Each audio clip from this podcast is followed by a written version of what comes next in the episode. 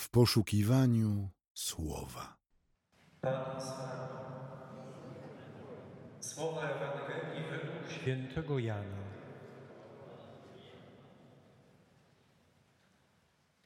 Podczas ostatniej wieczerzy Jezus rzekł do swoich uczniów: Ale ja mówię wam prawdę. Lepiej jest dla was, abym odszedł. Jeśli bowiem nie odejdę, orędownik do was nie przyjdzie. Jeśli zaś odejdę, poślę go do was. On zaś, gdy przyjdzie, przekona świat o grzechu, o sprawiedliwości i o sądzie.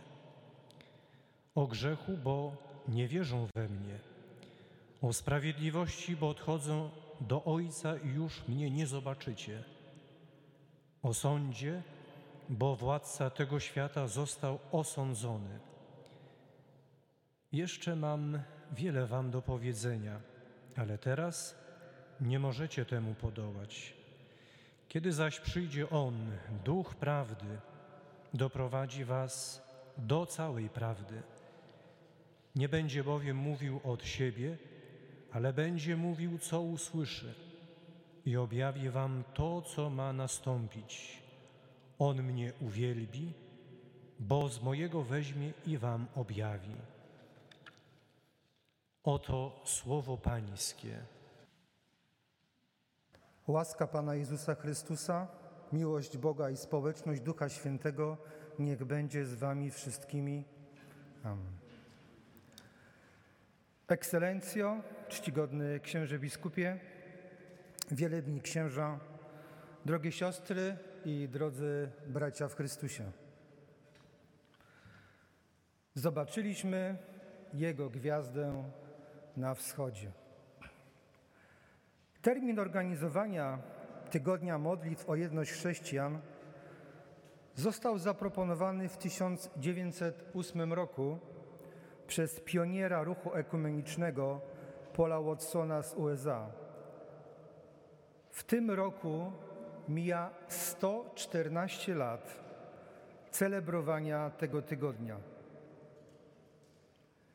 Jak długą drogę udało się przejść przez ten okres? Czy jesteśmy bliżej upragnionego celu bycia jednością? Przygotowane przez Radę Kościołów Bliskiego Wschodu materiały na tegoroczny Tydzień Modlitw mają motto zaczerpnięte z Ewangelii Mateusza z rozdziału drugiego. Zobaczyliśmy Jego gwiazdę na wschodzie i przyszliśmy oddać Mu pokłon. Mędrcy zobaczyli Jego gwiazdę i nie skupili się tylko na obserwowaniu, podziwianiu bijącego z niej blasku. Podjęli konkretną decyzję, wyruszyli w daleką drogę. Podróżowali kilka miesięcy, niektóre źródła podają, że nawet dwa lata. Ale dotarli i powitali Zbawcę, ofiarując Mu złoto, kadzidło i mirrę. Zakładając, że ich wyprawa trwała nawet dwa lata, w końcu osiągnęli to, co zamierzali. Nie jest napisane w Biblii, czy podczas drogi dyskutowali, kto z nich jest najważniejszy, kto niesie najcenniejszy dar, kto się pierwszy pokłoni. Razem zgodnie podróżowali do Zbawcy objawionym w niemowlęciu. To było dla nich najważniejsze. Wszystko inne odłożyli na bok. Oddali Bogu hołd, szacunek i wdzięczność, że narodził się Zbawiciel. Jako chrześcijanie wyruszyliśmy w naszą drogę ku jedności wiele lat temu. Czy doszliśmy już do mety? Jesteśmy jednością? Wciąż nie. Podróżujemy. A kiedy dojdziemy? Każdego roku rozpoczynamy naszą wędrówkę. Ile jeszcze potrwa? Nie wiemy. Czy kiedyś dojdziemy do upragnionego celu? Bóg wie. Co zatem powinniśmy robić? Jaki sens ma tydzień modlitw o jedność chrześcijan? Dietrich Bonhoeffer powiedział: Bóg nie każe nam iść żadną drogą, której by On sam nie przemierzył i na której by nie szedł przed nami. Jezus już przemierzył tą drogę do jedności. On nam ją rozświetlił i cały czas świeci, pokazując kierunek, w którym mamy podążać. A my niestety wciąż błądzimy. Szukamy światła, ale go nie widzimy, nie dostrzegamy. Czasami sami sobie je zasłaniamy, tłumacząc, że za mocne, że nas razi, wręcz oślepia. I 114 lat tułamy się jak porzucone dzieci. A przecież jesteśmy wybranym plemieniem, królewskim kapłaństwem, narodem świętym, ludem Bogu na własność przeznaczonym, abyśmy ogłaszali dzieła potęgi tego, który nas wezwał z ciemności do przedziwnego swojego światła. My, którzyśmy byli nie ludem, teraz, teraz zaś jesteśmy ludem Bożym, którzyśmy nie dostąpili miłosierdzia, teraz zaś jako ci, którzy miłosierdzia doznali. Boże światło nieustannie świeci. Wśród mroków codziennego życia są momenty, kiedy go nie widzimy, kiedy rodzinne problemy, kłopoty finansowe, trudności w pracy, choroby i strach, co przyniesie jutro, zasłaniają nam niegasnące światło Jezusa. Przed mędrcami ze wschodu też były wyzwania. Podróżowanie w tamtych czasach nie było tak komfortowe i bezpieczne jak obecnie. Ale oni zobaczyli Jego gwiazdę i ona swym światłem rozświetliła im wszelkie mroki. Zaufali obcemu dla nich Bogu i wyruszyli w nieznane. Nie bali się, nie zwątpili i nie dywagowali, czy to ma jakiś sens. Nie koncypowali, czy się opłaca. Gwiazda ze wschodu była dla nich wystarczającą epifanią Bożego zaproszenia do podróżowania. Chrześcijanie dostali nie tylko zaproszenie do poznania Boga poprzez świecącą gwiazdę, ale Jezus sam nas zaprasza. Przyjdź do mnie i pozwól mi iść przez życie z Tobą. W pochmurny dzień światło słoneczne nie dociera do powierzchni Ziemi, jest dla nas niewidoczne. Ale czy, czy to oznacza, że słońce przestało świecić? Oczywiście, że nie. Ono cały czas świeci, tylko chmury je zasłaniają. Jezus cały czas jest z nami i, pokazuje nam drogę. To my sami przysłaniamy Jego światło. Tak jak nic nie może odłączyć nas od miłości Bożej, tak nic nie może przysłonić nam Jego światła. Nie tłumacz sobie, że nie masz czasu, że Twoje skomplikowane życie tak Cię pochłania, że nie widzisz Jego światła. Ono nieprzerwanie świeci. Pan czeka i oświetla Ci drogę do siebie. Jezus powiedział: Ja jako światłość przyszedłem na świat, aby nie pozostawał w ciemności nikt, kto wierzy we mnie. Ze światłem mamy do czynienia właściwie wszędzie. Przede wszystkim bez niego nie byłoby życia, ponieważ stymuluje wiele procesów życiowych. Jedną z najważniejszych przemian biochemicznych na Ziemi jest fotosynteza. Proces, który zachodzi w roślinach zielonych zawierających chlorofil.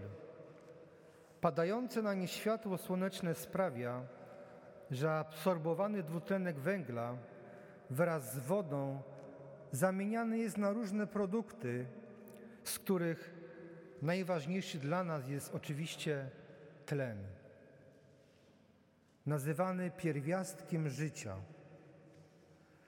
Światło słoneczne jest nam niezbędne do życia, jak woda, powietrze i pożywienie. Wszyscy czujemy się lepiej, gdy na dworze świeci słońce. Kiedy go nie ma, od razu odczuwamy spadek sił witalnych. Do owocnego życia duchowego światło Jezusa jest tak potrzebne, jak światło słoneczne do życia fizycznego. Nie ma światła, nie ma życia. 114 lat nie wystarczyło na uzyskanie jedności chrześcijan. Od 1908 roku poprawiła się jakość dróg i podróżowanie jest bardziej komfortowe, przyjemne. Nie ma wybojów, kolejn. Jedzie się tak luksusowo, że nawet można spokojnie spać. Oczywiście nie dotyczy to kierowców, chociaż niestety zdarzają się mi przypadki zaśnięcia za kierownicą. Może te korzyści i wygody są przyczyną, że przyzwyczailiśmy się do bycia cały czas w drodze. To nieustanne zmierzanie do celu stało się samo w sobie naszym celem. Nie osiągnięcie go, ale samo dążenie do niego. Zastanówmy się przez chwilę, czy już nie czas na zmianę obranej drogi.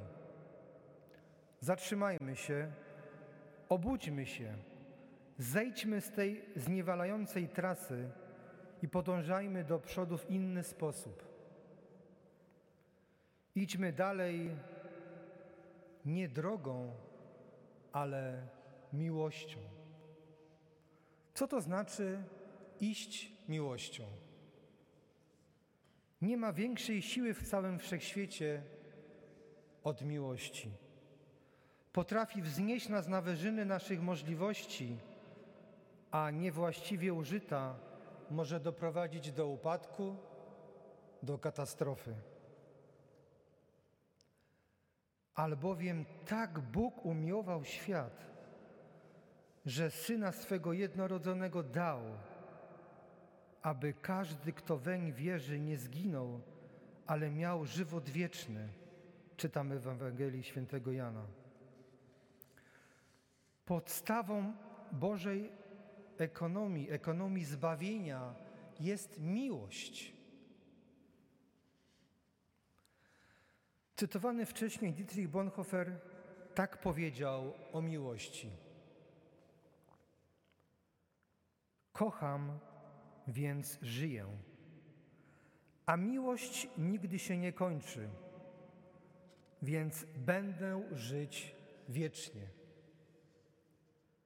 Nic, naprawdę nic nie jest warte życia oprócz miłości. Przeczytam to jeszcze raz. Nic, naprawdę nic nie jest warte życia oprócz miłości. Kto nie miłuje, nie zna Boga, gdyż Bóg jest miłością. A gdy poznamy Boga, będziemy znali też drogę prowadzącą do naszego upragnionego celu, ponieważ jak powiedział Jezus: Ja jestem droga i prawda i żywot. Nikt nie przychodzi do Ojca tylko przeze mnie. Jeżeli mamy osiągnąć jedność chrześcijan, nie ma dla nas innego sposobu i innej drogi. Apostoł Paweł we fragmencie przeczytanego dzisiaj listu do, Tymoteusza przypomina, że nie dał nam Bóg ducha bojaźni lub tchórzostwa. Nie ma czasu na strach lub nieśmiałość. Lecz Bóg dał nam ducha mocy. Nieograniczona siła jest do naszej dyspozycji. Przez uzdolnienie ze strony Ducha Świętego wierzący może odważnie służyć, trwać cierpliwie, zwycięsko cierpieć, a gdy trzeba, chwalebnie umrzeć. Bóg dał nam też ducha miłości. To nasza miłość do Boga przepędza strach i sprawia, że jesteśmy gotowi oddać się Chrystusowi bez względu na koszt. To nasza miłość do bliźniego sprawia, że jesteśmy gotowi wytrwać wszelkiego rodzaju prześladowania i odpłacić dobrocią. Osoba napełniona przez Boga duchem miłości kocha pokój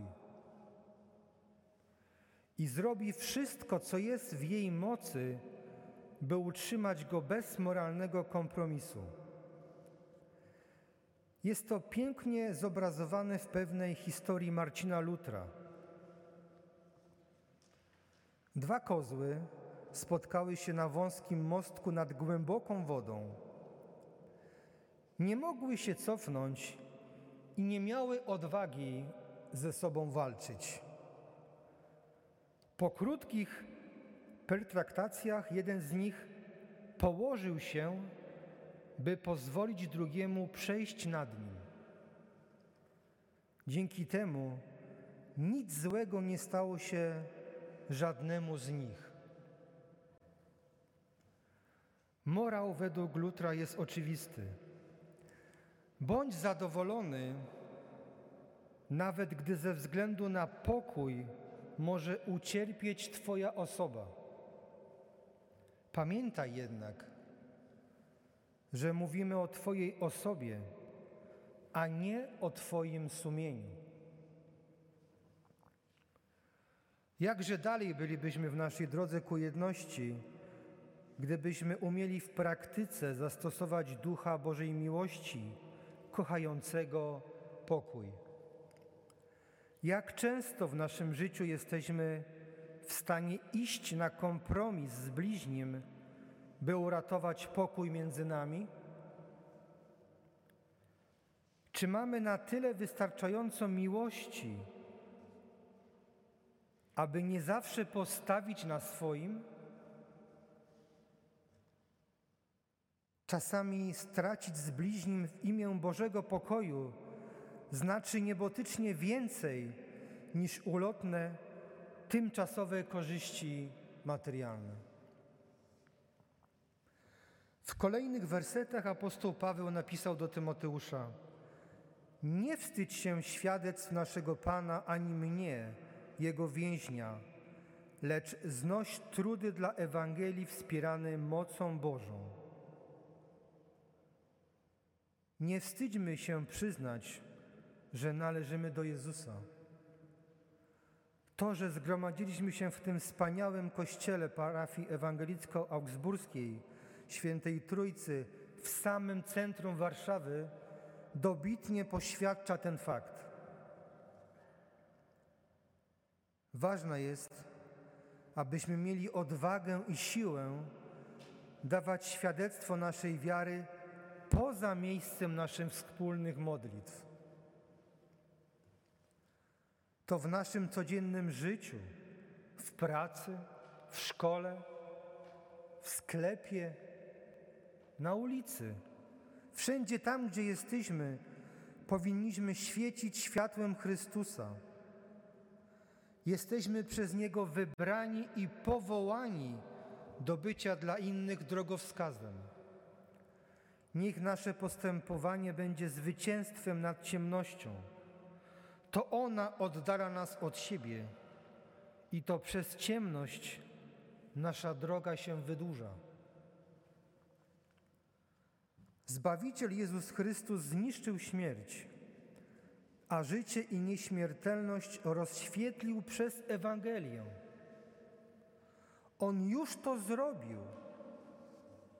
Nie potykajmy się, nie upadajmy w nocy naszego życia. Wyjdźmy z mroku i trzymajmy się Jezusa. Nie masz na tyle sił? Poproś Go z wiarą. Mamy zapewnienie od Chrystusa dane nam w słowach dzisiejszej Ewangelii świętego Jana.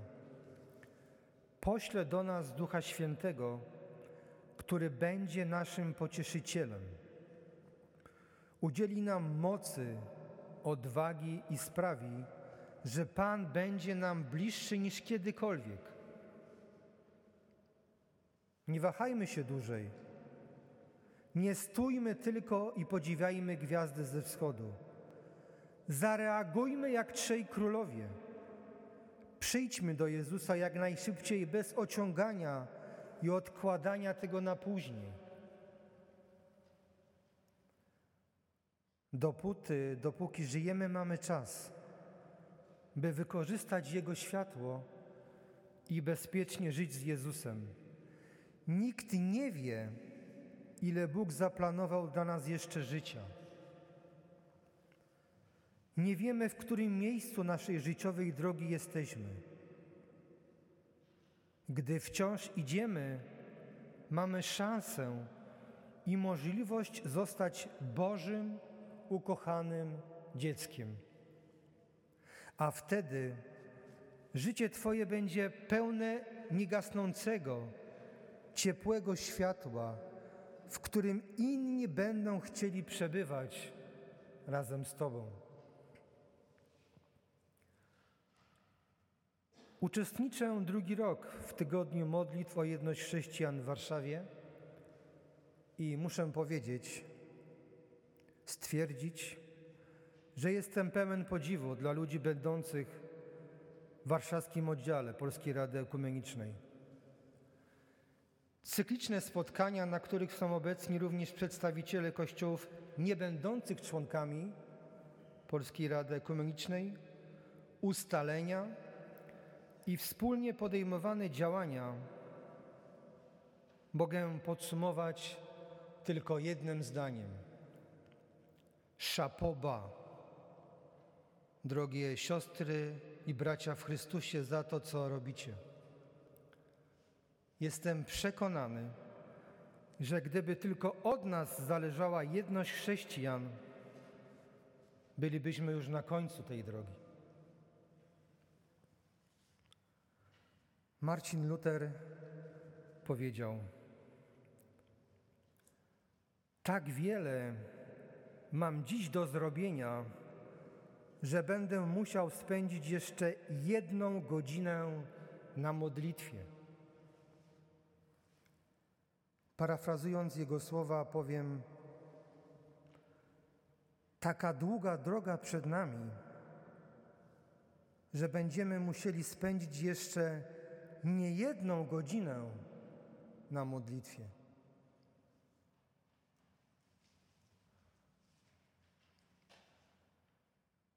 Błogosławiony lud, który umie się radować i chodzi w światłości oblicza Twego, Panie.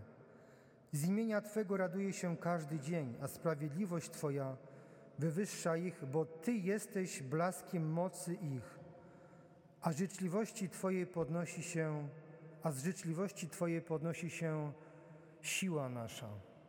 Amen. Dziękuję Bogu Wszechmogącemu, dziękuję proboszczowi, księdzu Piotrowi za to, że mogłem tutaj być i zwiastować to słowo. Bogu niech będą dzięki. Amen.